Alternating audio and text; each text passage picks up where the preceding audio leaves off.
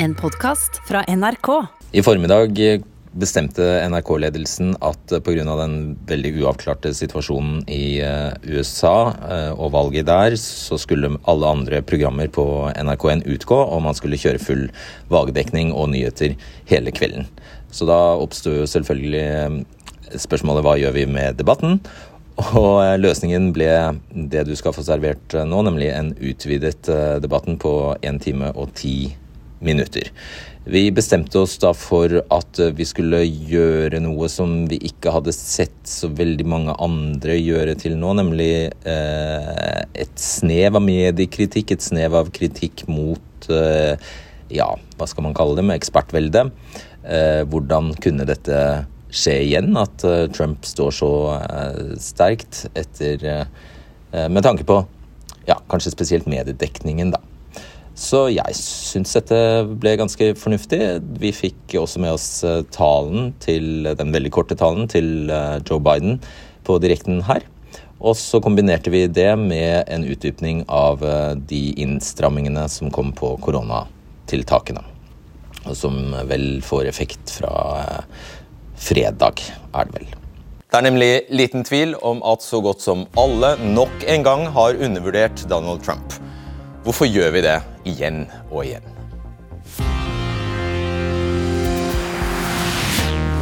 Kan det ha å gjøre med at vi på mange måter rett og slett ikke forstår hvem velgerne hans er, eller hvordan de har det? Og betyr det igjen at vi bare rett og slett ikke forstår USA?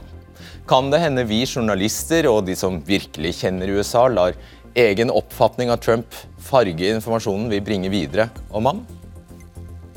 Om litt skal vi diskutere de nasjonale koronarådene og anbefalingene som blir skjerpet. Men for å snakke om USA-valget ønsker jeg vel møtt til Ketil Raknes, Hilde Restad, Sofie Høgestøl og til Asle Tøye. Tror jeg starter med deg, Raknes. Du er doktorgradsstipendiat ved Høgskolen Kristiania. Hvis ikke noe nå har skjedd i løpet av de aller siste sekundene, så er altså fremdeles, står altså fremdeles om fire delstater. Nevada, North Carolina, Georgia og Pennsylvania. Uh, Joe Biden trenger bare én av disse for, delstatene for å vinne, mens Trump trenger flere. Uh, og så er det varslet en rekke rettslige steg. Er dette omtrent sånn som du forestilte deg at det ville utspille seg? Uh, nei, ikke hvis du så på meningsmålingene i forkant. Så trodde jo folk at folk at Biden kom til å vinne eh, mye klarere. Men når det er sagt, så er det jo bare et speilbilde av 2016, bare litt motsatt vei. Nå er det Biden som vinner med knappe marginer, og i mange av de samme delstatene som, som Trump vant eh, sist. Så vi kan jo si at det amerikanske folket står jo omtrent akkurat fast på samme sted som de gjorde i 2016. De har bare flyttet seg litt til, eh, til venstre. Ja, ikke sant. Eh, Asle Tøye, du er utenrikspolitisk forsker og forfatter. Nå har jo de aller fleste norske mediene i månedsvis rapportert om eh, det, eh, det, som blir nevnt her, at eh, Biden har ledet konsekvent på de aller aller fleste målingene med god margin. Det har blitt gjengitt utallige ganger at Trump hadde bare om lag 10% mulighet eller sjanse for å vinne. Likevel befinner vi oss altså i denne situasjonen her. Hva er din forklaring på det? Ja, valgets store taper er jo meningsmålerne. Og vi ser et USA som er dypt splittet. Eh, vi ser at Biden nok ikke var så appellerende som det meningsmålerne hadde trodd. Jeg tror at mange av velgerne hans ikke møtte opp til, eh, på valgdagen. Og så er det dette som Thomas Seltzer får så forbilledlig fram i NRK-serien uh, UXA, ja. Ja, mm. der han viser et annet Amerika enn det vi vanligvis ser. Uh, og Dette valget kommer ikke til å bli avgjort i det Amerika nordmenn vanligvis drar på ferie til. Det blir avgjøres i, i stater hvor det er stor brytning, og mange har lidd i lang tid og hadde det tøft under Obama. Og mange hadde det bra under eh, Trump. Vi skal ikke glemme det at Trump-økonomien leverte laveste arbeidsledigheten for svarte og for latinos noensinne. Minimum, de lave minimumslønningene gikk opp. Og for mange betyr det noen ting. Hilde Reso, førsteamanuensis ved Bjørknes eh, høgskole har jo vært jevnt og trutt å se på TV 2 i løpet av denne valgdekningen. Er du enig i den analysen fra Taje? Jeg er uenig med både Ketil og, oh ja, og Så spennende! Så bra! Overraskende nok, egentlig. Eh, jeg tenker at Det er litt rart premiss at vi tror at eh, meningsmålingene har tatt feil, og at valget er jevnt når vi ikke vet resultatet ennå. Vi må vente på tallene før vi vet om det har vært jevnt, og om meningsmålingene har tatt feil.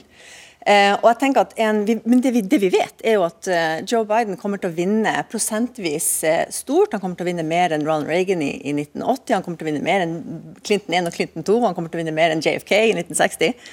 Eh, og det er med et grunnlag på en kjempehøy valgdeltakelse. 10 prosentpoeng høyere valgdeltakelse enn for fire år siden. og det er jo utrolig bra. Og så, ikke minst, En av grunnene til at vi venter på resultatet, er for at vi vet ikke hva som skjer i Georgia en dyprød delstat, og Arizona, som har blitt eh, gitt til Biden, som også er en veldig rød, vanligvis delstat. Så Det vitner om at det er et mulig valgskred på gang. Og jeg tror vi blir litt lurt av psykologien. Hvis alt det her hadde skjedd på tirsdag, så tror jeg kanskje det hadde vært en sånn følelse av at wow, Joe Biden har virkelig gjort det. Eh, men nå sitter vi og teller og vi teller og vi teller, og så føles det som det er jevnt. Så er det kanskje ikke så jevnt, egentlig. Hm, interessant. Ok, vi griper tak i dere legger dere det på minnet. fordi eh, Først eh, skal jeg eh, introdusere deg, Sofie Høgestøl, førsteamanuensis ved Juridisk fakultet ved Universitetet i Oslo. Også et velkjent eh, fjes fra de siste dagene. Er du våken? Halvveis. Ja. det er bra. Det er bra jobba. Jeg står to timer på jobb i lille sofakroken min, og nå føler jeg meg mye bedre. Ah, topp. Du, eh, hvilke, hvilke konklusjoner drar du på det nåværende tidspunkt? Ja, det, vi har jo sagt i to uker at Pennsylvania kom til å bli den avgjørende staten. Kandidatene har så å si bodd der. De har reist der utrolig mye. Uh, Biden åpnet kampanjen sin i Pennsylvania. Han var der og avsluttet den. Han kommer jo fra Pennsylvania, den byen som The Office uh, skulle være i, uh, den TV-serien.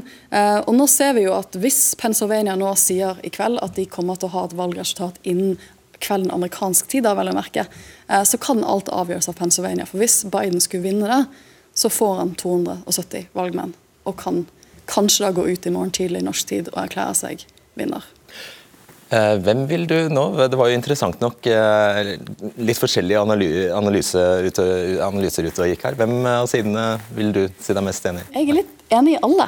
Uh, det kan du ikke. Det kan jeg. Det kan, jo, det kan jeg. Jeg vil si at uh, jeg husker jo valg, dels, uh, valget for to år siden, i 2018. Og Da satt vi jo litt på valgkvelden og så tenkte vi at oi, den blå bølgen den kom ikke. ikke for Da så ikke valgresultatet på valgdagen så godt ut for demokratene. Og så begynte man å fintelle. Og så så man at det ble bedre og bedre dess, dess uken gikk. egentlig. Eh, og man skal ikke se bort ifra at man, Vi har jo ikke de endelige resultatene. Alt vi snakker om nå, er foreløpige opptellinger som ikke er offisielle. De skal telles om igjen, de skal sertifiseres. Det er da vi vet egentlig hva som har skjedd eh, på tirsdag. Men jeg tenker at det interessante her for meg, eh, når vi prøvde å se på tallene denne gangen, det var jo hvor splittet velgermønstrene ser ut til å ha vært.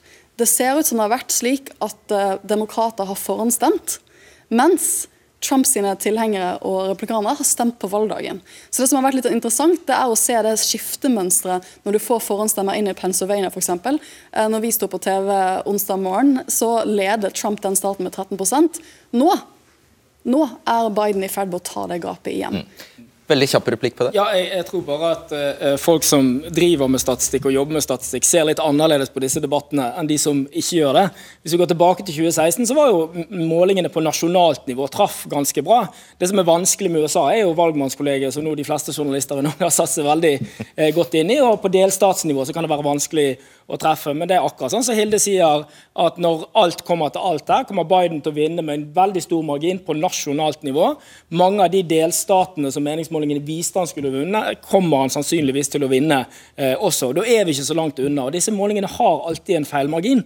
Eh, så det er, liksom, det er, litt tidlig å si at, at, at veldig mange mennesker eh, tok feil. Men det, det som er mitt poeng, er hvordan ser du på det? Jeg mener at Siden 2000 så har de fleste presidentvalg i USA vært ganske jevne. Mm. Så, så, spørsmålet er liksom, Hva har egentlig endret seg så veldig her over tid? Det er små fluktuasjoner fra valg til valg, men det vi ser er at de to blokkene i USA står veldig stabilt, og det er veldig solid å se hvem som tilhører de to blokkene også. Jeg skal våge meg på en påstand. Eh, det som har endret seg, er at man har en sittende president i USA som nær sagt unisont har blitt nesten idiotforklart i, mm. i, pressen. Det er i hvert fall ganske uh, det er nytt. nytt. ikke sant? Er det nytt, eller skjedde det med George W. Bush også? Det kan, ja, Interessant. Det kan vi også. Skal, men uh, ja, et visst nivå opp hakk, hakk, videre, vil jeg kanskje påstå. Men det, det kan vi jo diskutere etterpå. En, en hel verden trodde i hvert fall knapt sine egne øyne da Trump ble valgt i 2016. Det kom som et stort uh, sjokk på de fleste, og omtrent hver dag de siste fire årene har vi brakt nyheter, altså vi i pressen, om uh, Trump, som jo ikke gjør det mer forståelig for oss hvorfor halvparten av amerikanerne faktisk vil ha ham igjen. Uh, og da ønsker jeg vel møte deg, George Gooding. Du er samfunnsdebattant, skribent og en av to her i studio, hvis jeg ikke tar helt feil, som har stemmerett ved det amerikanske valget. Den andre kommer litt senere. Du kritiserer både norske medier, men også meningsmålerne eh, for altså nok en gang å ha undervurdert Trumps uh, sjanser. Bommet i framstillingen av USA, rett, og slett. Gi noen eksempler på det. Erlesen. Eh, I enkelte delstater så, så, har de bommet med nesten opp mot 8 prosentpoeng. og på, også på senatorvalgene og valgene til huset så har man Eh, fått en situasjon hvor det ser ut som republikanerne holder Senatet og eh, ikke går tilbake, faktisk vinner seter i, i Representantenes hus. og Det var det jo ingen som egentlig så for seg. Så, så her tyder det på en systematisk svikt i modellene som man bruker til å beregne hvem som kommer til å vinne. Og Hva er omkvedet da når regningen skal gjøres? Hva er liksom hovedforklaringen på det? At, fordi Pennsylvania for eksempel, der lå jo Biden konsekvent sånn 10-11-12 eh, prosentpoeng over. Det er eh, det, disse sju? Ja. det, det, vi får se hvordan det ender opp. Men, men, eh, det som er med disse målingene, er hvordan de bearbeider de tallene når de ringer opp folk. De bruker ikke de tallene direkte, de må jo bearbeide det og justere de med forskjellige faktorer. Og eh, de bruker forskjellige modeller for å justere tallene. Og hvis antagelsene disse modellene bygger på ikke stemmer, så blir resultatet feil. Mm. Hva er det ved Trumps appell som ikke viderebringes i tilstrekkelig grad i norske medier, og som gjør at vi ikke helt forstår det? Eh, man kan jo kanskje se det den siste uken eller de siste to ukene i USA, hvor, hvor, som kanskje ikke ble dekket så veldig i mediene, men man hadde sånne voldsomme eh, folkemøter eh, for Trump. Og midt oppi pandemisituasjonen.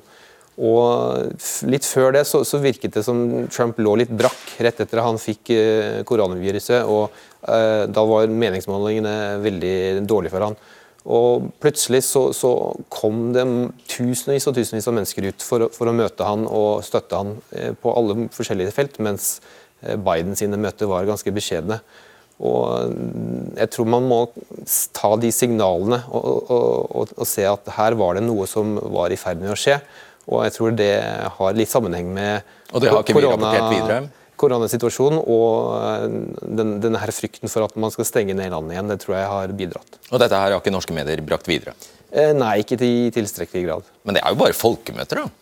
trenger ikke å ha noe statistisk å si. Jeg har aldri sett en republikansk presidentkandidat som har hatt sånne voldsomme folkemøter tett opp mot et valg. Så det, det sier noe. Hva er den hardeste anklagen din mot uh, det som på engelsk kalles pundits, eller forstå seg på det, da? Det må jo være at man, man har en litt sånn flokkmentalitet. Eh, at man, man, ikke helt tør å, å, gå utenfor det alle de andre mener. Eh, det er noen som leder an med med en eller annen mening om noe, og så følger man etter fordi det er eh, mye tryggere i flokken enn å stå alene og mene noe helt annerledes. Ja, du har, du har, sitert, eh, du har skrevet flokken i form av mediene har kjørt den mest omfattende negative dekningen av en amerikansk president noensinne, med den ene konspirasjonsteorien etter den andre, den ene løgnen etter den andre. Man har framstilt Trump som en diktator, en forræder, en white supremacist og nesten alt som finnes av uhyggelige karakteristikker. Og Dette er det altså norsk presse som som har gjort seg skyldig Ja, det, og det er jo stort sett fordi de eh, bare hermer etter det amerikanske eh, hovedstrømsmedier skriver. Eh, og da, da, får man heller ikke den, de nyansene eh, man kan hente fra USA. Men Gi eksempel på en sånn løgn. da, Det er jo en ganske grov påstand. Eh, disse her eh, sitatene som man bruker om Trump, da, f.eks. at han kalte nazister for fine folk, det, det, det stemmer ikke. Det jo, han sa presis det motsatte. Han, han sa eksplisitt i den talen man har hentet det fra, at han ikke mente eh, white supremacist og nynazister. Så likevel så har man skapt en myte av at han har sagt dette her. og han har sagt mye andre rare, kritikkverdige ting, men, men da, man må klare å forholde seg til hva han faktisk har sagt, og ikke konstruere ting han ikke har sagt. Takk skal du ha. Hva sier du til dette? Føler du deg skyldig? Føler du deg truffet? Nei. Jeg føler meg ikke truffet. Men så er jeg ikke jeg journalist eller pandit heller. Eh, jeg tror Hvis eh, George Gooding tror at eh, folk som forsker på USA går i flokk, så har han aldri møtt en akademiker. Vi liker å krangle. Vi liker å være uenige med hverandre. Men jeg kan ikke svare på vegne av norsk mediedekning. Eller, eller, kommentariatet, for den saks skyld. Men det er jo ikke så rart at man har et norsk perspektiv når man, når man dekker amerikansk politikk. tenker jeg. Man dekker det jo for et norsk publikum, uten at jeg skal svare for, for dere i media. Eh, men eh, min egen erfaring fra å bo og studere i USA er jo at eh, det finnes all slags folk i USA. og det er, ikke, det er ikke rart i det hele tatt. Jeg var ikke overraska over at det var mange som likte Donald Trump, men jeg var overraska over at han vant i 2016. Det skal jeg ærlig innrømme. Mm. Uh, ja. Har han noen styrker, Trump? Hva vil du trekke fram som det? Eller har han noe åpenbart? Hvilke er hans største? Hans største styrke er vel at han er en, en TV-personlighet som har en enorm type slags tiltrekningskraft. Eh, og kanskje En av de, ting, en av de X-faktorene i 2016 var kanskje at det var litt vanskelig å ta høyde for den her litt eh, store personligheten og hans allerede kjendisstatus i USA. Ja, stjernestatusen. Mm. Mm. Ok. Toje, enig? Eh, jeg vil vel si det at eh, Trump har vært litt uheldig med at uh, det er veldig få journalister og veldig få akademikere som stemmer på Trump. Eh, og, og, det har farget analysen, tror jeg. Eh, hans sterke sider har ikke kommet tydelig fram. Eh, de tingene som demokratene har gjort i løpet av disse fire årene, kan ta oss og tenke tilbake på riksrettssaken, der de forsøkte å få han fradømt embetet på en sak som aldri ble helt klart hvorfor. Russiagate, der man forsøkte å male han som russisk spion, og som, som er også liksom fløt ut i ingenting. Og, og, og vi husker høringene for, for høyesterettsdommere Demokratene har ikke vært en veldig trivelig opposisjon. og har, har også sin, sitt synderegister over, med det å tråkke, over streken. Jeg tror at Hvis man bare gjør opp regning på den, ene, på, på den ene siden av streken, så vil man ende opp med et helt annet bilde enn hvis man forsøker å se dette er en tid i Amerika som er ekstremt konfliktfullt. Det er høy eh, politisk spenning, og det er ikke slik at det er svart og hvitt. Eh, jeg tror at det er klokt for de som kommenterer amerikansk politikk, og ikke har så sterke meninger om hvem som burde vinne. Oh ja, for det mener du gjelder her på berget, at vi, vi inntar en holdning? Jeg tror at, at hvis, det, hvis, det, skulle skje det som ser ut nå, at Joe Biden vinner, så vil nok veldig mange journalister og akademikere juble. Ja. Mm.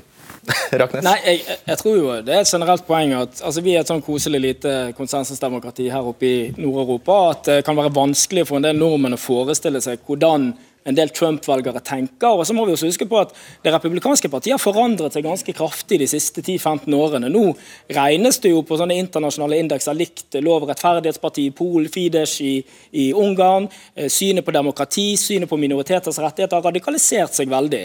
Og da kan jeg jo si, Hvis du skal kommentere det, er jo interessant også som akademiker. for Hvis et parti da åpenbart bryter med etablerte demokratiske normer, skal det partiet da, da kommenteres som et hvilket som helst annet parti, eller skal man si at nå er du på utsiden av det eh, normale? og da må, vi, da må, vi, se dette på, på en litt annen måte enn, enn, ellers. Men så skal jeg jo si jeg har slektninger som bor i USA som stemmer på, det, på republikanere, som er veldig hyggelige folk.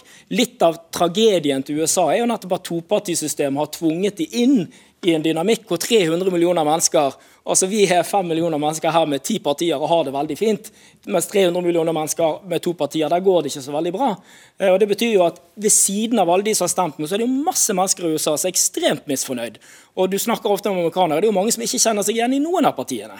Og syns egentlig at dette her ikke var noe spesielt bedre enn oppgjøret mellom, mellom Clinton og, og, og, Trump eh, sist. Og gjerne skulle hatt andre kandidater Også. stemme. Uh, nå ser vi jo at Trump har forsøkt å stanse opptellingen uh, i, flere, flere, i, flere, steder. Uh, virker ikke som det har han har fått gjennomslag for det? Nei, han har prøvd seg på en del søksmål så langt. Og de søksmålene blir ganske hurtig behandlet fordi at man har spesialregler for valgsøksmål. Så det at vi har fått de første kjennelsene der, og det har ikke domstolene vært villige til å gå med på. Han har, på, han har, gjort en del søksmål på opptelling. Han mener f.eks. at republikanerne ikke har fått nok, god nok tilgang til valglokalene for å se på opptellingen. Kanskje det kan tjene som et eksempel på noe vi stiller oss veldig hoderystende til i, i, i Norge. At man kan faktisk eh, få oppslutning rundt et sånt krav om å stanse oppdelingen i et demokratisk eh, valg. Hvordan, hva er det han forsøker å oppnå, og hvorfor vil så mange være med på den eh, oppskriften? Jeg tror For å forstå det, så må man forstå det narrativet og den historien han har prøvd å lage om forhåndsstemmer. For En av de mine klareste minner fra den første uke med koronanedstenging i Norge, det var at Trump kommer på talerstolen og begynner å skal gjøre en av sine første pressekonferanser om korona. og snakker om korona, og så plutselig snakker han om poststemmer.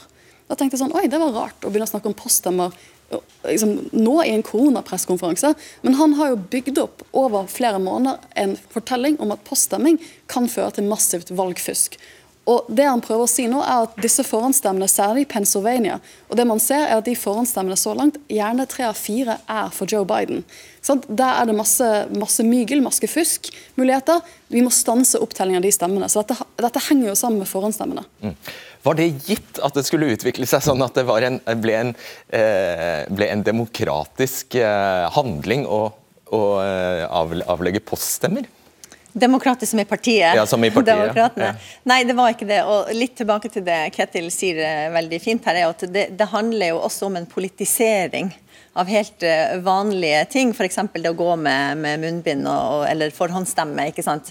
Og det, den, det er jo asymmetrisk i USA med hensyn til hvem det er som gjør ting politisk. Det er jo Donald Trump som gjør det politisk. Det, er han nå som oppildner under uh, protester rundt omkring ikke sant, i delstatsforsamlinger. Så det, det, er litt det her med at eh, det er vanskelig å skulle beskrive ting eh, objektivt sa, som ikke kanskje er så greit, som handler om høyreradikalisme, som handler om å bryte demokratiske normer. Og jeg tror folk kanskje misforstår forskjellen mellom det å beskrive noe objektivt og det å være nøytral. For min del så har det vært eh, et mål å være objektiv i min beskrivelse av hva som skjer i USA under Trump, men jeg trenger ikke å forholde meg nøytral til det, fordi vi snakker om høyreradikale krefter. Mm. Grei avklaring, det. Uh, Toje, valgdagsmål det, uh, uh, et omkved her er vel kanskje at eh, Trump beveger seg helt på grensen til det som er innafor, sånn med tanke på eh, generelle eller generaliseringer rundt, eh, rundt etnisiteter og, og minoriteter. ikke minoriteter noen, noen, hevder han blir framstilt som en rasist i norske, norske medier. Men så viser også valgdagsmålingene fra CNN at han har tapt Nei, han har vunnet i alle etniske grupper. Mm. Eh, det har vel mye å gjøre med det? Det har mye å gjøre med økonomien. Eh, det, at, eh, det er veldig lett å, når du og sitter i øverste, øvre middelklasse å være opptatt av tonen.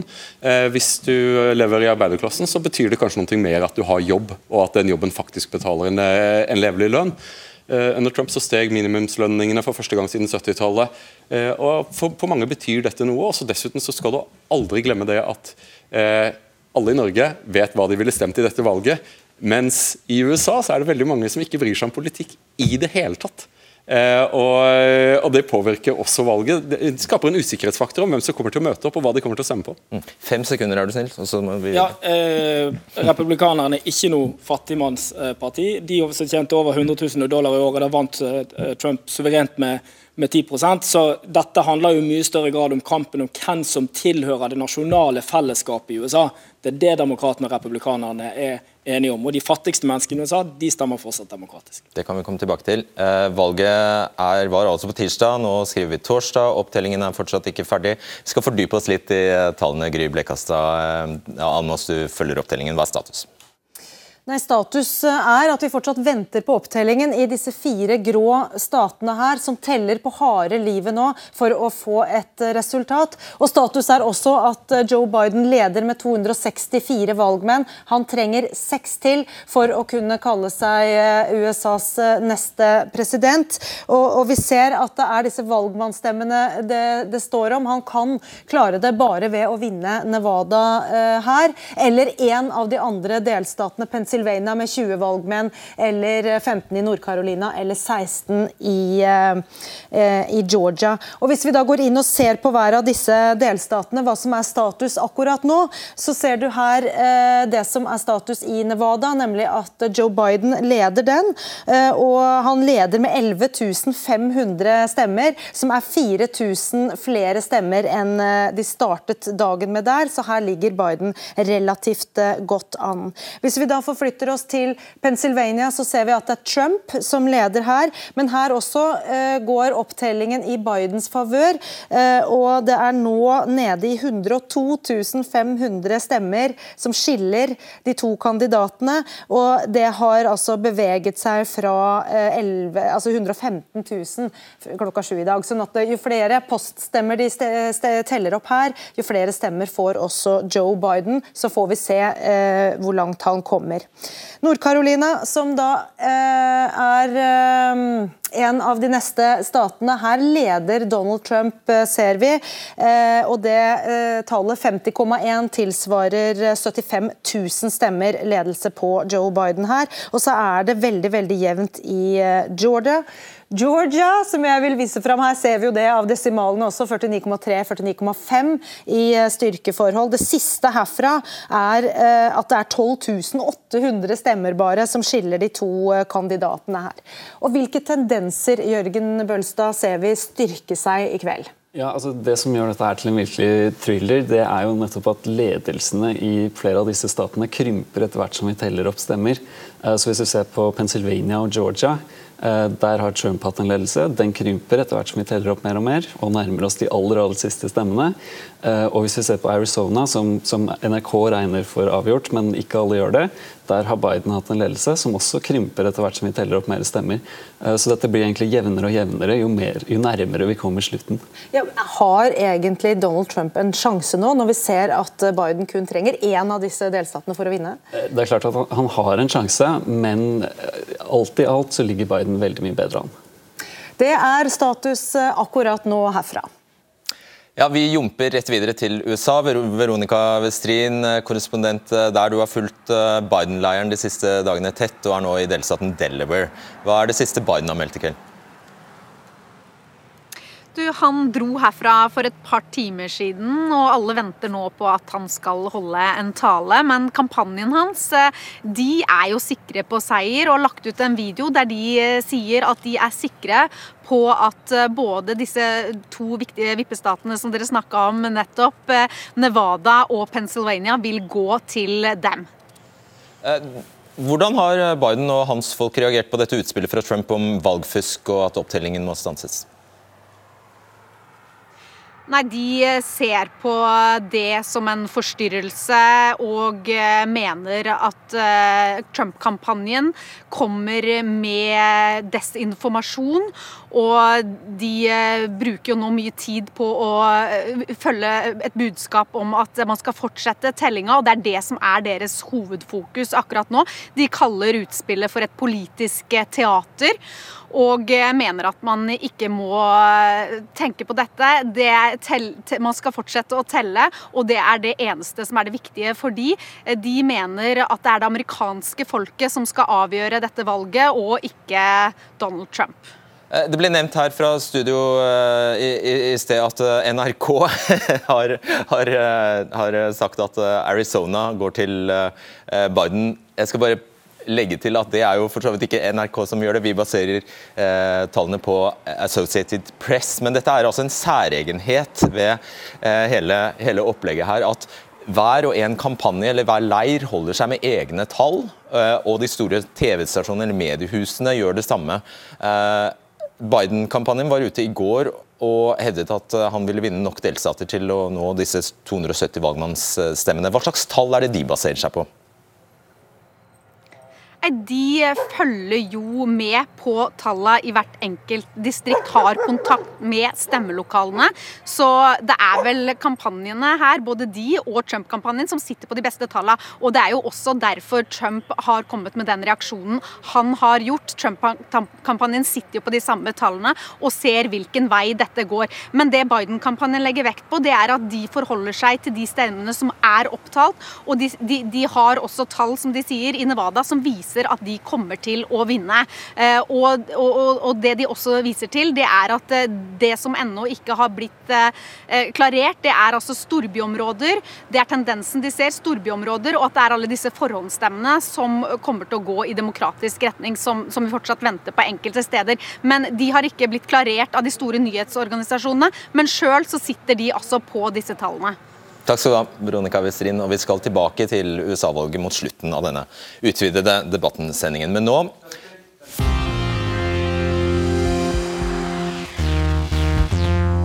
Hvor er det de, hvor er det de kommer fra? Ja. Nå, skal vi, eh, nå, skal vi, til korona, korona. og. Vi skal snakke om innstrammingene som regjeringen kom med i dag. De gjelder i hele landet. Regjeringen ber nå folk om å holde seg mest mulig hjemme. Ved helt spesielle anledninger kan vi invitere opptil fem personer hjem. Man bør holde minst to meter avstand til folk i risikogrupper. Maks 20 personer på private arrangementer på offentlige steder inntil 200 personer på, um, eller når det er fastmonterte seter. Det blir skjenkestopp ved midnatt. Man skal unngå unødvendige reiser innenlands, og hvis du skal på hytta, ikke ta kontakt med andre. Og så blir det strengere krav til testing hvis man skal inn i landet. I tillegg har Bergen strammet kraftig inn i dag. Der blir det forbud mot, forbud altså, mot å være, være, mer enn fem personer i private hjem. Det blir påbud om hjemmekontor og påbud om digital undervisning for høyskoler og universiteter. Og byrådet anbefaler å stenge breddeidretten og flere fritidsaktiviteter for voksne. Og i morgen kommer eh, angivelig Oslo med nye innstramminger. Bent Høie, helseminister. Eh, hva betyr det at dere nå oppfordrer folk til å være mest mulig hjemme? Nei, Det er for så vidt så enkelt som det, eh, og så viktig. Eh, rett og slett fordi det er det som bidrar til at vi møter færre mennesker. og Viruset trenger at vi mennesker møtes for å kunne spre seg. Og Nå er det utrolig viktig at vi klarer å slå ned spredningen av viruset igjen. Sånn at vi unngår å komme i en situasjon der sykehusene våre fylles opp med pasienter. og det som vi nå ser at Hvis utviklingen får fortsette, så vil vi kunne være i en sånn Eh, situasjon i, i romjulen eller mot nyttår. Og konkret betyr det, Skal man droppe å gå på kafé? Det skal bety at du i hvert fall skal tenke deg om. Eh, og Du kan gå på kafé hvis du er sammen med eh, de du ellers er sammen med, men du skal ikke nå bidra til at mange mennesker, eller flere mennesker møtes som ellers ikke møtes. og Det er det som jeg ønsker nå skal skje. Det er noen som påpekte at det er øyensynlig logisk brist i at dere ber på den ene siden uh, ber oss om å bli hjemme. På den andre siden så sier dere det er tillatt med 20 personer i private sammenkomster. Det er tillatt med 50 andre, under andre forutsetninger og 200 i, i ytterligere andre, mm, atter andre forutsetninger. Ja, det, det, det, kan jeg forstå, men det handler jo om f.eks. at uh, i den tiden som vi skal inn i nå, så er det folk som skal gifte seg. Eksempel. og da er det fint å kunne ha 20 mennesker på en eh, sammenkomst eh, etter et bryllup, eller en minnestund etter en begravelse. Eh, en skal jo gå på jobb når en skal det, hvis en ikke kan ha hjemmekontor. Men en jobb kan òg ha et, et seminar, f.eks. med, med 50 deltakere på dagtid, hvis en klarer å holde de avstandene som en har. Så Det er på en måte for å ha den fleksibiliteten. Men, men hovedbeskjeden nå er at vi skal, ikke minst i de sosiale sammenhengene, møte eh, færre mennesker, og helst så få som mulig. Camilla Stoltenberg, Hva er det faglige grunnlaget for dette her? Det faglige grunnlaget er eh, f.eks. det vi ser rundt oss i Europa. Eh, nå er det en dødelighet i Tsjekkia, og det er i ferd med å bli en dødelighet i Belgia, som hvis vi var på det nivået, så ville vi ha 1000 dødsfall per 14 dager. Det tror jeg ingen kan forestille seg helt hva ville bety i Norge. Men det har skjedd i løpet av syv uker i Tsjekkia. For og da er sykehusene sprengt? Da er sykehusene sprengt. Da kan man ikke gi behandling til andre mennesker med andre lidelser, og heller ikke god behandling til de som har covid-19. Og det er mange som dør, og mange som blir alvorlig syke. Men, men poenget er at for syv uker siden hadde Tsjekkia en Eh, forekomst, eller altså ny, antall nye tilfeller per 100 000, som er på nivå med det vi nå har i Norge. Eh, så det tar ikke nødvendigvis lengre tid hvis man ikke greier å stanse det. Og da er det flere som spør seg Hvorfor eh, kommer det bare nå råd og anbefalinger, hvorfor ikke en, en lockdown? En skikkelig pågått norsk?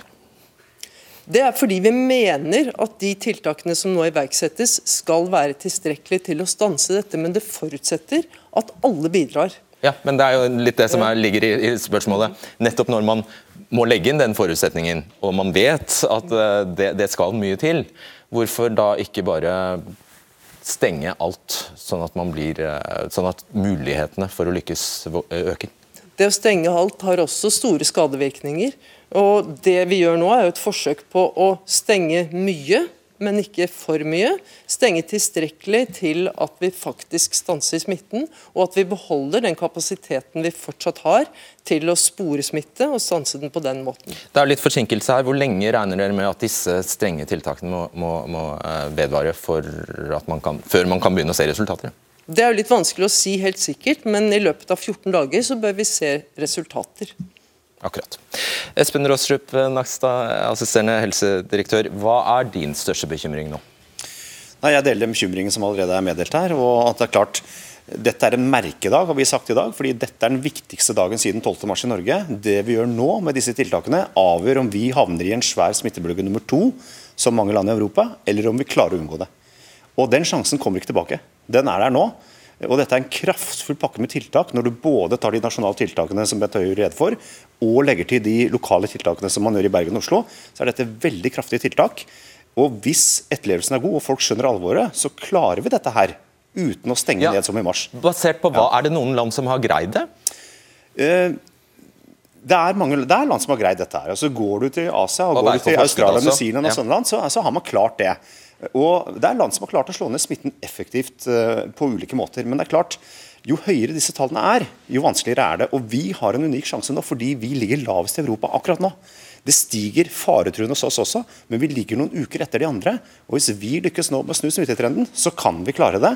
Men eh, lykkes det ikke nå, så kan det som Det, Camilla det sier, gå skjønner jeg, men spørsmålet eh, er egentlig om det er noen land som har lykkes med å være så forebyggende.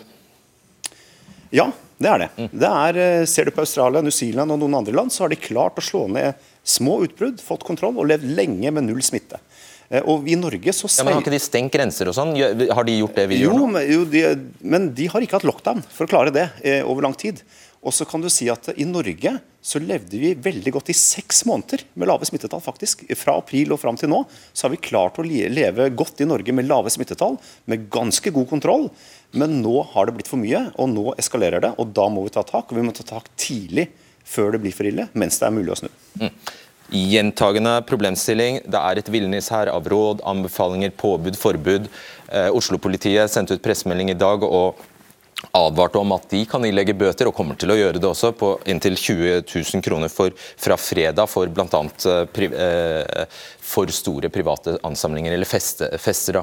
Um, er, det, er det eksempelvis et forbud? Altså det er det et forbud, eller er det et råd?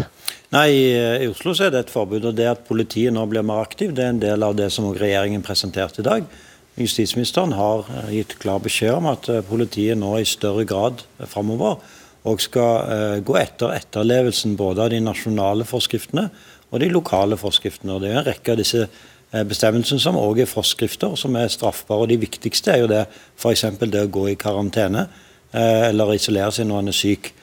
Så, så, Det betyr at en må være klar over nå at eh, fremover nå, at hvis en ikke følger de påleggene som er, så kan det òg svi ganske kraftig økonomisk. Kan det også bli aktivt? Ok, så det, det du sa nå var at det er justisministeren som har initiert dette og gitt politiet den Det er helt riktig, og det redegjorde også statsministeren for i dag i Stortinget. Og kan det da bli aktuelt å eh, konvertere flere råd til påbud eller forbud? Det kan det òg være, og det er jo det vi òg har råda eh, de kommunene som har høy smitte til, å i større grad bruke forskriftsregulering, sånn som Bergen nå gjør. og Nå får vi òg se Oslo, men Oslo har jo fått de samme rådene som Bergen i dag. og Jeg har hatt gode møter med de, og eh, Både Bergen og Oslo og kommunene rundt som er med på dette, er opptatt av å følge opp de nasjonale rådene. som. Spurte du Stortinget før du gjorde dette?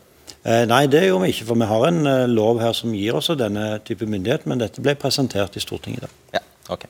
Eh, Stoltenberg, eh, dere vurderer å be kommunene vurdere å gå i såkalt gå i rødt i ungdomsskolen, altså eh, elevere eh, eh, nivået. Dere gjør det for videregående. Hvorfor, hvorfor det? Hvorfor ikke allerede rødt i ungdomsskolen nå? Fordi smitten, skriver dere også, øker mest blant unge. Den har økt mest i den gruppen ja, fra 13 til 19 år, men mye mer blant de som er 18-19 enn de som er 13-14. Eh, og Derfor er det viktigst med de som er i videregående skole. Men eh, samtidig så er det ikke slik at smitten sprer seg på skolene. Det gjør den i veldig liten grad. Eh, de som blir smittet og er på skolen, de er som oftest smittet et annet sted, i private sammenhenger f.eks. Og Det betyr at det er mulig å holde skolene åpne. og I de landene i Europa, de fleste av dem som nå har stengt helt ned, mye mer enn det vi gjør, så har de beholdt skolene åpne fordi kunnskapen nå er såpass sterk om at det er mulig. Hva må en skole som blir rød, eller hva, hva betyr det? Nei, Det betyr bl.a. at de deler opp gruppene mer og holder strengere på faste grupper. og At de f.eks. For fordeler tidspunktet på dagen der de er til stede på en annen måte. Så da må skolene enten holde oppe lenger, eller de må dele opp gruppene og kanskje ha mer digital undervisning. Men tanken er at de skal være til stede på skolen, også på rødt nivå. Akkurat. Rødt nivå vil egentlig minne mer om sånn som skolen var når den ble gjenåpna igjen i, etter nedstengingen. Med kohorter og Med kohorter, og ikke minst i videregående skole. At en møter på skolen og opplever at det er én meters avstand, f.eks. Som er viktig. Er det ikke veldig interessant og fascinerende det at så få blir smittet på selve skolen? Jo, men det er jo slik ja, ja, det er veldig interessant at denne sykdommen den spres ikke så mye blant de unge og, de får heller, og barn, og de får heller ikke så alvorlige symptomer. og Det bidrar nok til at de ikke smitter så mye videre. Da skal jeg ønske vel møtt til Tove Gundersen, du er generalsekretær i Rådet for eh, psykisk helse. Eh, det er slik at eh, Regjeringen har kommet med et sexråd også, også, her, og du mener det rådet innebærer en diskriminering av unge single. Fordi det kommer altså, man har satt en grense på nærkontakter. Hvor utdyp? Bekymrer meg veldig over det at uh, aleneboere og single nærmest blir hengt ut som en eh, risiko for eh, folkehelsa, eh, slik som det er blitt fremsatt. Fordi de har fått klar beskjed om at her må man begrense tiltakene knyttet til nærkontakter. Men det gjelder jo alle single, da, ikke bare de unge? Dette er en uh, gruppe som er en femtedel nesten av befolkningen. Og det synes vi er veldig diskriminerende. At det blir uh, påpekt at de utgjør en større risiko enn andre. Og skjønner ikke helt kunnskapsgrunnlaget for det, den beslutningen eller de tiltakene. Kanskje det er for lenge siden dere var single. Hvem vil svare? Nei, for det første så må jeg si at det er noe Folkehelseinstituttet og jeg ikke er opptatt av og ikke er interessert i, så er det å henge ut single. Det som har vært tanken her, er helt motsatt. Det er å si at single selvfølgelig skal få lov til å ha noen de er nær fysisk, akkurat som alle andre. Eh, og Derfor så er anbefalingen at man selv velger noen som man ønsker å ha et nært forhold til over tid, i denne tiden der oppfordringen er å begrense kontakter. Altså noe som er tilsvarende det å ha en husstand eller en familie. Og Så har man da i tillegg alle de andre reglene som gjelder for absolutt alle. At man kan invitere fem hjem til seg, eller gå hjem til noen andre som har invitert fem. Så egentlig er det bare en oppfordring til å sørge for at man har noen som man er virkelig nær, og også kan være fysisk nær. Slik eh, oppfattes nok ikke dette. Det oppfattes av mange som veldig stigmatiserende og ganske underlig. Og også det, den oversikten skulle vi gjerne sett, som sier noe om at det er en eh, økt risiko her eh, knyttet til single når det gjelder tilfeldig sex. Det tror jeg ingen har sagt. Altså, det, det ingen, kjenner ikke jeg igjen i det hele tatt. Eh, helseministeren eh, anbefalte jo single å unngå tilfeldig sex i Aftenposten. Så det, Vi lurer på den sammenhengen. Det er jo klart at det er en smitterisiko med tilfeldig sex, men det forekommer jo blant veldig mange andre enn de som bor alene og er single. Ja, Det var ikke mitt poeng at single bare skulle unngå tilfeldig sex i denne tiden. Det gjaldt alle. Rett og slett fordi at eh, det å være så nær et annet menneske, og i hvert fall når, det som var mitt poeng, var at en ikke må ha mange ulike sexpartnere i denne perioden, for da er han veldig nær. og Det er jo i tråd med de rådene som gir. og Jeg er helt enig med Camilla. Vi fikk jo veldig mange spørsmål når vi anbefalte folk f.eks. ikke være nære andre enn de som en bor sammen med. Så var jo nettopp spørsmålet fra de single skal ikke vi få være nær noen. Og Da var jo nettopp det som var hele utgangspunktet for dette å si fra Folkehelseinstituttet. Jo, når en lever lenge, så kan en òg velge noen å være nær. Så det er jo det stikk motsatte, nemlig at mange enslige og single oppfatter det som eh, diskriminerende at vi snakket om husstand, og ikke åpne opp for at de òg kunne ha noen de var nær. Og Det var et viktig, godt råd for at alle skal ha noen å være nær. Men det virker veldig underlig at man trekker frem aleneboere og single. Grunnlaget for å nevne spesielt de og trekke frem de som en egen gruppe, det er jo en ingen homogen gruppe. Det er en stor forskjell mellom en utflytta student og en dame eller en mann på 90 år. Så det kjennes veldig underlig å, å, fremheve de. og Det vi er jo veldig opptatt av, det er jo at ensomhet og isolasjon det er et innmari stort problem, og det brer om seg. Og Den psykiske folkehelsa er under press. Og Mange tar kontakt med oss og sier at de opplever at de har en eksistensiell angst knyttet til at de nå kanskje alltid skal forbli alene og ikke får noen. At de føler seg eh, spesielt fremhevet uten at det ligger et godt grunnlag for det. Så det gjenstår. Men, men hensikten hensikten er jo nettopp at mange av eh, de som bor alene, har jo nettopp tatt kontakt med oss og sagt at dere må snakke om oss òg. Dere må gi oss òg gode råd og Det er det som er bakgrunnen for at vi òg snakker om dette. Men, men, kan du holde muligheten åpen for at selv om hensikten her var, var en annen eller god, da, så, så er oppfatningen og mottagelsen av budskapet annerledes? At noen har oppfattet dette annerledes, det, det, kan selvfølgelig skje. Men jeg må bare fortelle at det er nettopp av hensyn til henvendelser fra mange i den situasjonen som gjør at vi òg har hatt behov for å gi de gode råd om hvordan en skal ikke eh, unngå å kunne være ensom og unngå det å havne i en situasjon ikke ha fysisk kontakt med andre i en tid der vi gir et så tydelig råd om å unngå det. Når en er ensom, så skal en òg kunne ha et menneske eller to eller tre som en klemmer på og er nær eh, og har kontakt med. Veldig. Ja, jeg synes Dette illustrerer et godt poeng nå som er viktig å tenke på nå når disse tiltakene innføres. og Det er å tenke på de som er ensomme. De trenger ikke være de, bare de som bor alene. Andre er ensomme. Folk sitter med hjemmekontor, folk er permittert. Det er mange som nå føler seg ensomme. Og Da er det viktig at alle tenker på det. Det går an å møtes utendørs. Eh, kolleger som er permitterte kan gå tur utendørs. Det er ikke noe stor smitterisiko. Vi har hatt møter med studentorganisasjoner og sagt pass på å ha noen faste møtepunkter i uka. Eh, gjerne også digitale, hvor du ikke bare prater fag, men prater om noe hyggelig. Eh, møt hverandre utendørs. og pass på de som man vet blir ensomme. Det er viktig nå framover. Eh, og dette er ett eksempel, men det er mange andre eksempler også. Avrunder du? Ja, Én ting er å være ensom, noe annet er det å komme i en kategori og en gruppe som aleneboer.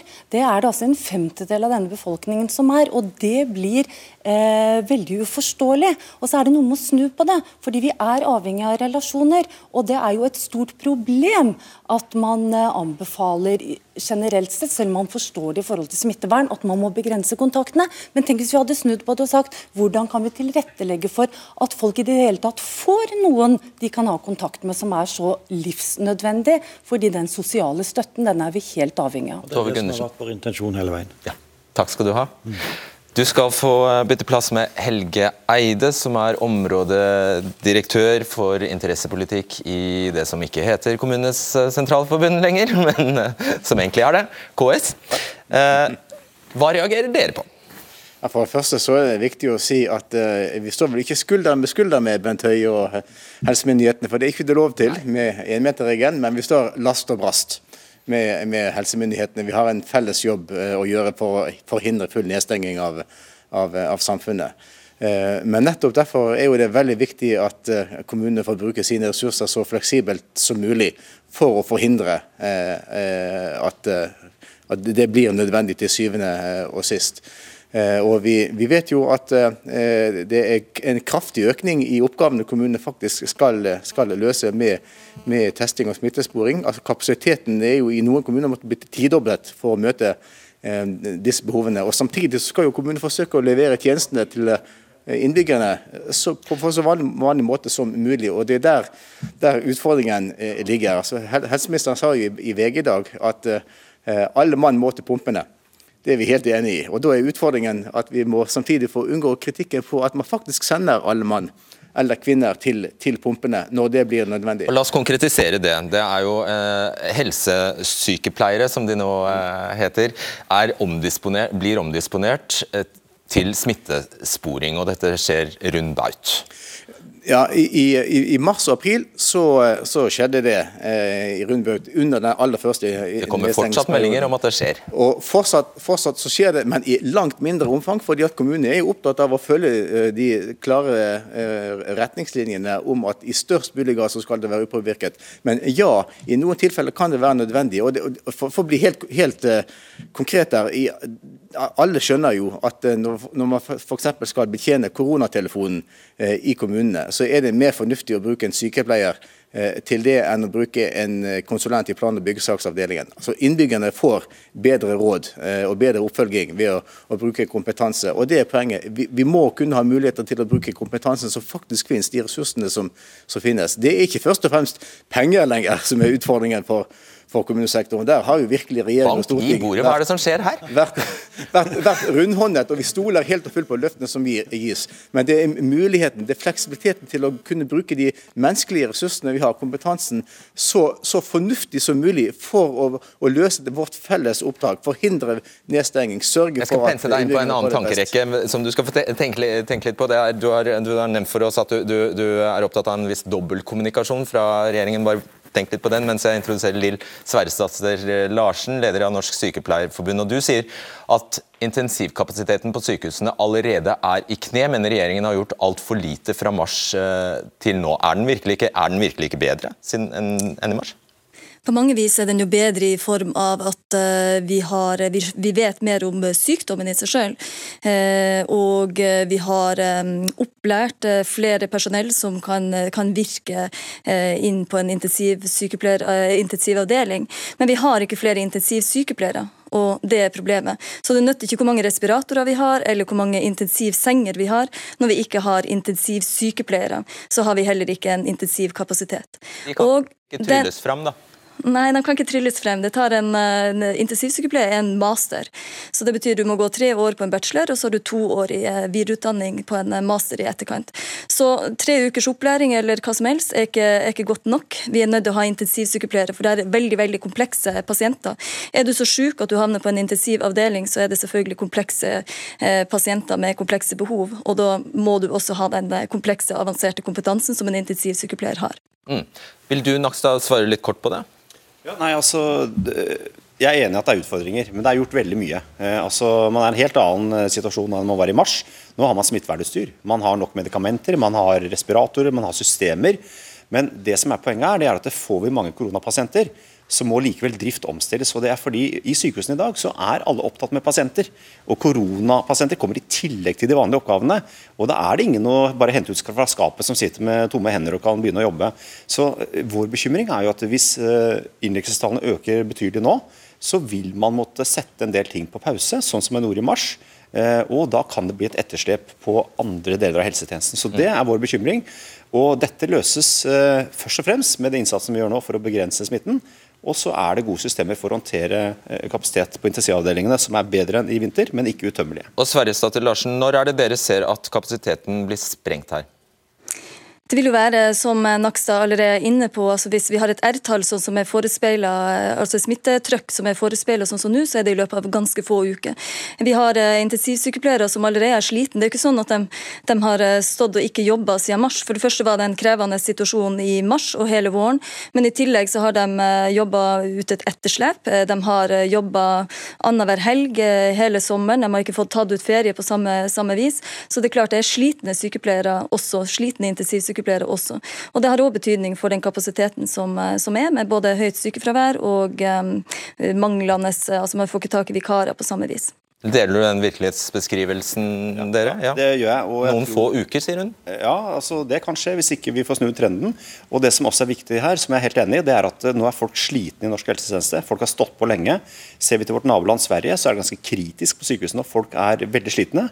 Og Det må vi også ta høyde for. Eh, og Det er nok et godt argument for å trå til nå og jobbe sammen for å begrense smitte. Og hva gjør vi da? Det er jo nettopp det som eh, Derfor ja, vi, vi kommer, det er det vi kom med disse tiltakene. Ja, det skjønner jeg, men hva er plan B? Plan B er jo den beredskapsplanen som vi har på sykehusene, som gjør at da må vi igjen gjøre det som vi gjorde i mars, nemlig eh, avlyse andre operasjoner og undersøkelser som kan utsettes, eh, for å plassere om personell. Eh, for å styrke den kapasiteten som, vi- som vi har. Men den, den er jo ikke uendelig. Mm. Eh, For dette er veldig alvorlig syke pasienter som krever ikke bare at de krever intensiv behandling en kort periode, mange av de krever også i lang tid. Og det er ekstremt krevende for de som jobber på sykehusene, som Sykepleierforbundet her inne på. og Derfor må vi gjøre alt det vi kan for å unngå å komme i den situasjonen. Helge Eide, jeg har forstått sånn at du mener regjeringen dobbeltkommuniserer til, eh, til befolkningen om hvilke helsetjenester vi kan forvente blir ytt om dagen? Det, det var kanskje å ta litt sterkt i, men jeg har et behov for å si at vi må kommunisere det samme budskapet. eh, Og det at eh, Når det er aller viktigst nå å gjøre en innsats for å stoppe eh, pandemien, så betyr det at det kan få i noen tilfeller konsekvenser for at enkelte ansatte ikke er like lett tilgjengelige som de var tidligere for andre oppgaver. Og Det er viktig å være ærlig på. Vi håper at vi og regjeringen kan være sammen om det. Jeg vil gjerne svare på det med helsesykepleierne, for det er veldig viktig. Fordi Det som har vært min beskjed til kommunene, og den er veldig tydelig, og den fikk dere før sommeren, og det fikk han enda tydeligere etter sommeren, det var at dere skal lage en beredskap for å teste og spore 5% av befolkningen. Til den oppgaven, som skal vare minst til sommeren neste år, så kan dere ikke omdisponere helsesykepleiere. Det må dere ansette nye folk og lære opp nye folk til. Hvis en er i en alvorlig utbruddssituasjon utover det, så er det alle mann til pumpene. Men det som jeg eh, ikke aksepterer, og som jeg ser altfor mye av, det er at kommunene planlegger med den generelle beredskapen og omdisponerer helsesykepleiere til å håndtere den generelle beredskapen. Som de alle skal nå ha hatt mulighet til å planlegge for å ansette nye folk til. Det kan en ikke gjøre.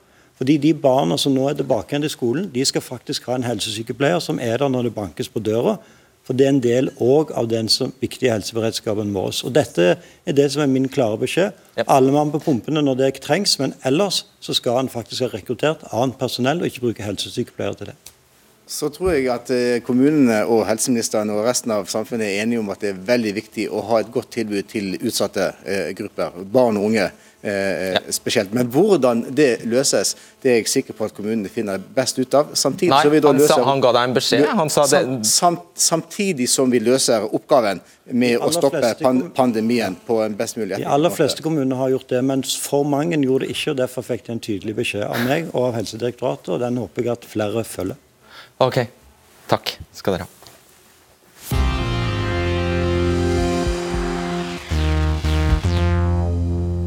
Ja, Da skal vi tilbake til det amerikanske valget. Vi skal til en av de mest eh, sentrale vippestatene, Pennsylvania. Gro Holm, der er du, i Philadelphia.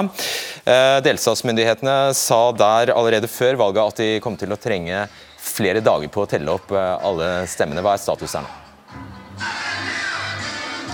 Status er at det er rundt 100 000 eh, stemmer som skiller Donald Trump og Joe Biden. Det er fortsatt Trump som leder, men av de noen hundre tusen stemmene, poststemmene som gjenstår å telle opp, så er det altså slik at det er stor sannsynlighet for at Biden har et stort flertall av de. Eh, Så langt har han hatt 77 000 77 flertall i, i eh, de poststemmene som er talt opp til nå. Men jeg må nesten, siden det er så mye bråk rundt meg her, si at jeg befinner meg nå utenfor det konferansesenteret i Philadelphia hvor det telles eh, poststemmer. Og det er den reneste gatefesten eh, her. Det er Akkurat nå er det Biden-tilhengerne som dominerer fullstendig. Eh, hvor de krever altså at alle, alle stemmer skal telles, er kravet på plakatene her. Og så er det høy musikk og, og dans og full fest. Jeg ser det. Eh, Mitt eh, litt kjedelige spørsmål Neste spørsmål står ikke helt til, i stil til bildene, bildene bak deg, Groholm. Men Donald Trumps sønn Eric og eh, advokaten Rudy Giuliani eh, Giuliani dro nettopp til Philadelphia i går og holdt en pressekonferanse der, der de hevdet at eh, valget var eh, ulovlig i Pennsylvania. Eh, Hvordan, hvordan har myndighetene i delstaten forholdt seg til det? Ja, de avviser fullstendig. Eh, og guvernøren Tom Wolff bruker jo nå også da Twitter. Han sier at han skal for helvete s- sørge for at alle stemmer blir talt, og at det finnes altså eh, topartigrupper hvor både republikanere og demokrater er eh, til stede over hele delstaten som observerer den opptellingen som nå eh, skjer.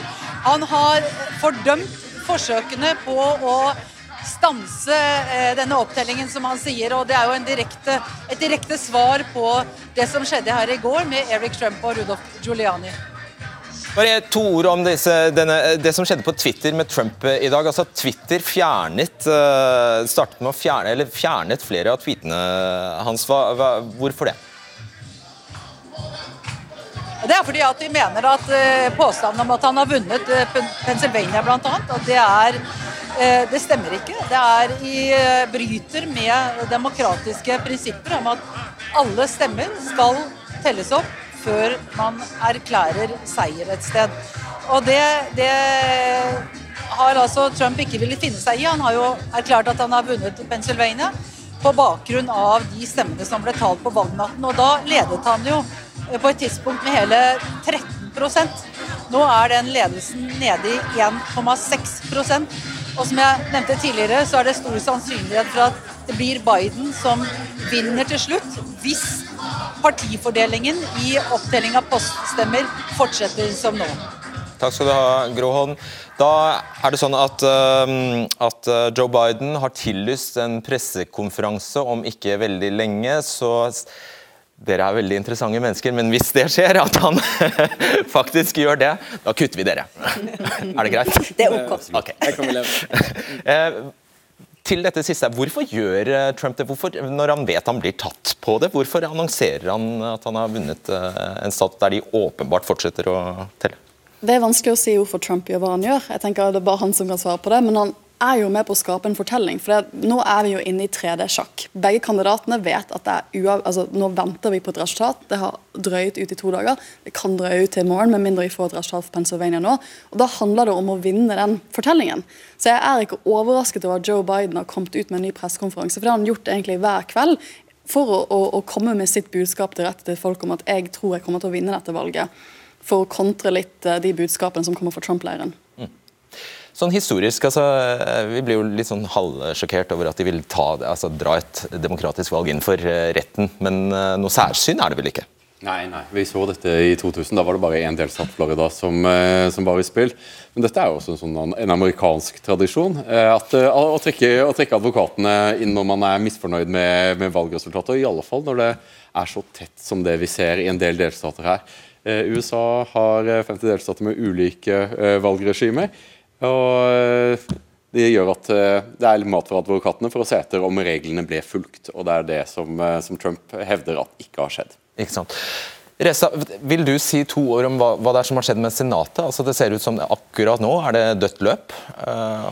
Kanskje det, Akkurat nå fordeler republikanerne. Okay. Eh, og så vet vi ikke helt hva som skjer i den veldig spennende delstaten Georgia. Men det kan være at kontrollen av Senatet avgjøres ikke nå, men i januar i spesielle senatsvalg. Så kanskje må vi vente til januar før vi vet hvem som vinner Senatet. Hvorfor henger ikke det sammen? Hvis, uh, hvis eh, Biden Det gjør vanligvis det. Ja. det. det. er noen spesielle regler i Georgia som gjør at det blir valg i januar. Så det har ikke egentlig noe med, med presidentvalget å gjøre. Ja, Men oppslutningen, la oss si at eh, Biden går av med, av med seieren. Hvorfor fører, fører, ikke det igjen til flere seter til de demokratiske senat, uh, senatskandidatene? Det er kanskje litt mer komplisert. Det handler, eh, senatet, vel, Der velger man en tredjedel av senatorene eh, hver gang det er presidentvalg. Så Da har det litt å si på hvem som har fordelen det året. Ikke sant? Hvilke delstat er det som er på valg. Og så er jo Georgia vanligvis en veldig konservativ delstat. Å, det ble slått av Biden, Raknes! Briefings on both COVID and the economic crisis facing this nation. And we're reminded again of the severity of this pandemic. Cases are on the rise nationwide, and we're nearing 240,000 deaths due to COVID. And our hearts go out to each and every family that has lost a loved one to this terrible disease. In America, the vote is sacred. It's how people of this nation express their will. And it is the will of the voters, no one, not anything else, that chooses the President of the United States of America. So, each ballot must be counted. And that's what we're going to see going through now. And that's how it should be. Democracy is sometimes messy. It sometimes requires a little patience as well. But that patience has been rewarded now for more than 240 years with a system of govern governance that's been the envy of the world. And we continue to feel, Senator and I, we continue to feel very good about where things stand. We have no doubt that when the count is finished, Senator Harris and I will be declared the winners. So I ask everyone to stay calm, all the people to stay calm. The process is working. The count is being completed, and uh, we'll know very soon. So thank you all for your patience, but we have to count the votes. God bless you all, and may God protect our troops. Thank you so much.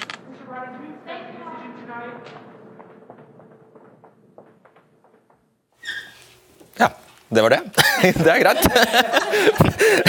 Vi skal bare, Raknes, du var jo nestemann til å få ordet her, men jeg skal, bare før, før du får det, så skal vi bare ta en kjapp prat med Austin Rasmussen. Du er styreleder i Republicans eh, Abroad. Eh, hva er din eh, Hva sier du til det du hørte her? Hvis du fikk det med deg? Å ja! Nå misforstår jeg he, Han skal komme fysisk hit. Ja. Og kommer eh, Ja, nå må du kjappe deg! Løp, løp, løp! Her var det litt misforståelser ute. Hei, velkommen. Fikk du med deg det Biden sa? ja. ja. Hva syns du? Hva tenker du? Uh, it was boring. I mean, there wasn't much there, I guess. Uh, I, think, I know his agenda today was uh, spent being briefed on coronavirus. Uh, and so obviously he's probably just touching base because that's what he's been focused on for the day. And I think he just wants to sound presidential, so he wants to come out and look that way. So. Så du legger ikke noe mer i det? Nei. Ok. Eh, hva er din eh, reaksjon på at Trump nå ser ut til å kunne tape dette valget, eller er du uenig i spørsmålet? Uh, no, I think if anyone tries to tell you now that they're confident in either candidate, they'd be lying to you. Uh, I, I, yesterday I was fairly confident. Today it's far too close for me to make any kind of prediction. Um, but it's not. If he loses, it's not a complete loss for Republicans. Republicans won big um, in Senate and House races uh, around the country, um, and of course those are still closing. But uh, but it looks like the Republicans will maintain their Senate majority, and uh, they have pushed back against the Democrats in in the House as well. Og Hva er hovedårsaken til at republikanerne, men også Trump, har gjort det langt bedre enn mange spådde? Well, Tilsynelatende. Uh, Trump obviously has a way of, of connecting with people. Um, I think the Democrat Party is more and more becoming the party of the elite, whether that's the elite in Washington, D.C., whether that's the elite in, um, in Hollywood, the elite in the tech industry, um, the billionaire class. Um, these are all people that are swarming to the Democrat Party, whereas Donald Trump has been campaigning nonstop uh, throughout his four years of presidency, talking to the people, talking to the middle class, talking to the blue collar, talking to those in various industries um, that are important not only to those workers but to the country itself. Um, to us, uh, Republicans, these results are, were not shocking or surprising. The only people surprised by these results um, are the media class and those that took them seriously. Um, there's a severe bias, and, and I'd be curious to see what happens to the media class after the election because I think the disguise of objectivity has been ripped off. And uh, I think we're going to start seeing the, the consequences of that. Og til slutt, eh, tror du Trump kommer til å erkjenne et nederlag? Uh, after the election, um, I mean, he's, he's not going away. Hvis det skjer, da. Yeah. Uh, if, he, if he does lose, um, I think that, I mean, he, he's not going to go away. I think it, it'll depend on his decisions. Uh, he can run again in 2024, for example, if he wants to, if he loses this election. Uh, if he can maintain that steam for four years, um, obviously there is this Trump effect in the party, uh, and uh, it's, it's anyone's say. There could also end up being a power vacuum within the Republican Party and a new element that goes to fill that void. So we'll just have to see. Tusen takk. Jeg kan jo ikke oversette alt du eh, sa nå, men jeg kan prøve Altså, du, du, du, du sa at du mener oppslutningen rundt det republikanske partiet har økt fordi, eh, fordi det republikanske partiet i stadig større grad har blitt arbeidernes eh, eller arbeidstakeres eh, parti, altså at eh, kanskje, og at, at demokratene har blitt et elitistisk parti. That's one part of it, but also Republicans, Trump himself, as the figure that he is, he's been pushing back on this culture war. He's been pushing back on the identity politics. He's been pushing back on this political correctness. Uh, and I think that's one of the biggest losers in, the, in this election, is that woke crowd lost big on this election. Altså at eh, Trump uh, uh, fokuserer veldig på identitetspolitikk, uh, politikk, altså dette her med kulturell identi identitet. Tusen takk. Og du var jo så vidt Nå, Raknes, er det din tur! Men det var det var- egentlig et godt stikkord til deg, for du, var ja. innom dette her i, i sted. Mm. Ja, nei, altså Det som er eh, det interessante, veldig interessant både det som Biden sier og det som, som sier her, ikke sant, det er at jeg tror ikke folk helt forstår alvor altså sånn, Florida var én ting. Det var en krangel etter valget var ferdig. Det var ingen som gikk inn i den valgkampen med hensikt om å undergrave hele valgprosessen. Dette er helt nytt i USA. Man har aldri hatt en kandidat som fra starten har sagt at the election is rigged og alt er, mot meg. Det har vi sett i land som USA ikke liker å sammenligne seg med. Eh, og Det som, er, som skjer nå, er at Trump nå går fullt inn på å underminere valgresultatet. Og Det betyr at det amerikanske demokrati står på spill, fordi at det republikanske partiet nå må velge mellom det amerikanske partiet eller lojaliteten til Donald Trump. Og Hvordan de velger da, kommer til å avgjøre veldig mye på hvordan omverdenen og ikke minst amerikanerne sjøl ser på sitt demokrati. Enig i det? Jeg tror at det blir, blir for sterkt. Dette her er et amerikansk valg. Det er masse støy, det er, det er masse forvirring. og Til slutt så kommer vi få, til å få et resultat, og det resultatet tror jeg vil bli respektert. Ja, hvorfor er det alltid sånn at nei, bare fordi det er Trump, så kan han, kan han tillates å si mye drøyere ting enn alle, alle, andre. Altså Hvis dette hadde kommet ut av munnen på, på Joe Biden, så hadde man, da hadde man jo virkelig blitt sjokkert. Ja, men det, er jo som, som tidligere representanten sa, det at Biden sliter med, å, gjøre, med å, å, å, snakke en setning uten å si noe feil, er noe som mediene ikke fokuserer på, men som han var veldig opptatt av George Bush og ha, hans språkproblemer. Eh, og det er, det, er den, det er, vel i forhold til, til Trump han, er, Hans personlighet er, er, hva den har vært hele veien. Han er ikke en typisk politiker. Og jeg tror ikke at Trump er eh, en mann av et format som kan rive ned amerikanske demokratiet, som jeg minner om er eldre enn det norske. Ikke sant? Og uh, Deler du Rasmussens oppfatning at Trump forsvinner ikke? Jeg tror nok ikke han forsvinner, nei, absolutt ikke. Og det er helt riktig som han sier at han kan stille igjen i 2024. Så det blir jo veldig interessant å se hvordan det republikanske partiet reagerer på det her. Ser du for deg at eh, Donald Trump skal sitte der som opposisjonsleder i fire år? Steve Bannon som jo jobbet med Trump for å få han valgt for fire år siden, har jo sagt for en uke siden at han ser for seg at dette er en mann som kan stille i 2024. og Da er han like gammel som det Biden er nå. Så da er han fortsatt en ung mann i amerikansk politikk. Men uh, det er veldig veldig, veldig spennende å se hva han bruker de neste månedene på. Om han lager et uh, mediekonsern, som han har snakket om. Om han ringer inn til Fox News, om han driver med rallies også etter hvis han taper valget, også etter han har tapt valget. Eller hvis han golfer mye. Jeg er spent på å se hva han gjør videre. Tusen takk. Ja, det blir, det blir, jo bare spennende. Takk skal dere ha. Det var debatten for denne gang. Personlig syns jeg det hadde vært veldig befriende om vi hadde kunne diskutere noe annet enn både korona og USA-valget neste sending, men jeg ville ikke tatt penger på det. Takk. Vi ses.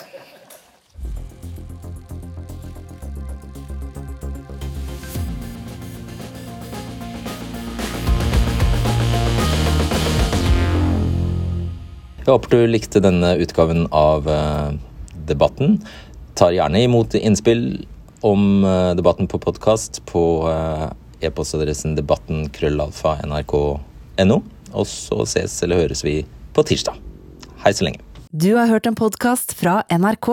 Hør flere podkaster og din NRK-kanal i appen NRK Radio.